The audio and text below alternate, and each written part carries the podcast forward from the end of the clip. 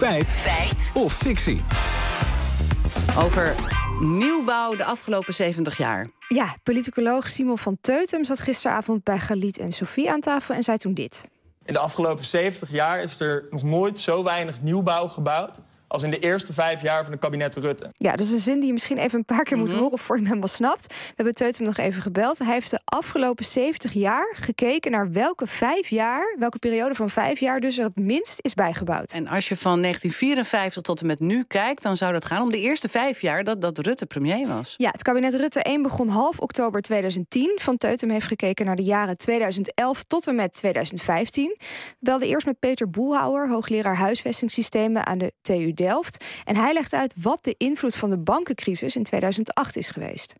2008 is er nog stimulerend beleid geweest. Uh, er zijn locatiesubsidies verstrekt en de crisis- en herstelwet is ingevoerd. Dus toen ja, is, de, is, is de daling nog enigszins gestabiliseerd. Dat zie je ook rond 2010, 11. Hè. Dan, dan stabiliseert het zo rond de 60.000. Maar dan, ja, dan wordt er besloten om uh, de verantwoordelijkheden bij de provincies en gemeenten neer te leggen in 2010. Dus daarvoor hadden we nog verstedelijkingsafspraken. Eh, waarbij het Rijk afspraken maakte met gemeenten en provincies. Ja, ook de eurocrisis in 2011 had effect op de bouw van nieuwe huizen, vertelt Boelhouwer. Rond 2011 worden de financieringsvoorwaarden voor koopwoningen sterk aangescherpt.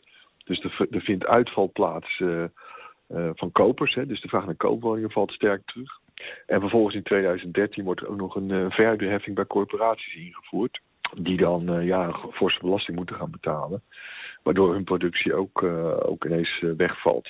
Dus dat zijn eigenlijk hele cyclische maatregelen die het kabinet toen genomen heeft. Waardoor die woningproductie zo enorm is, is, is gedaald. Hm, en, en zien meer mensen dit? Ja, woningmarktdeskundige Frank Wassenberg die sluit zich daarbij aan.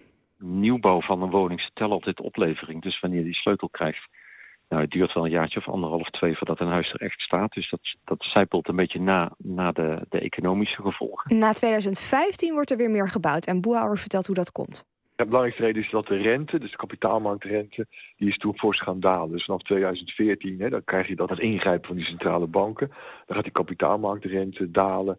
Nou, dan komen we ook langzaam uit de crisis. En dan komt die vraag op de koopmarkt weer terug. Dus dan zie je dat uh, ja, kopers weer woningen gaan bouwen.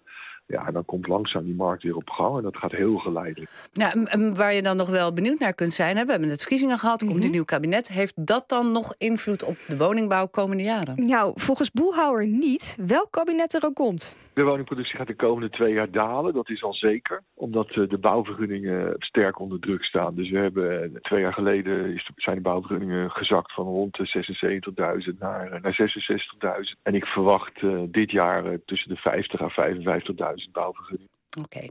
goed. Als je dus naar de afgelopen 70 jaar kijkt, van 1954 tot en met nu, dan zou er in die eerste vijf jaar dat Rutte premier was, dan zouden er de minste huizen zijn gebouwd. Ja, Van Teutem die baseerde zich op cijfers van het CBS. Hij heeft gekeken in welk blok van vijf jaar er het minste is gebouwd. En dat is inderdaad onder Rutte geweest, van 2011 tot en met 2015. En dat komt door de financiële crisis en de eurocrisis, dus het is een feit.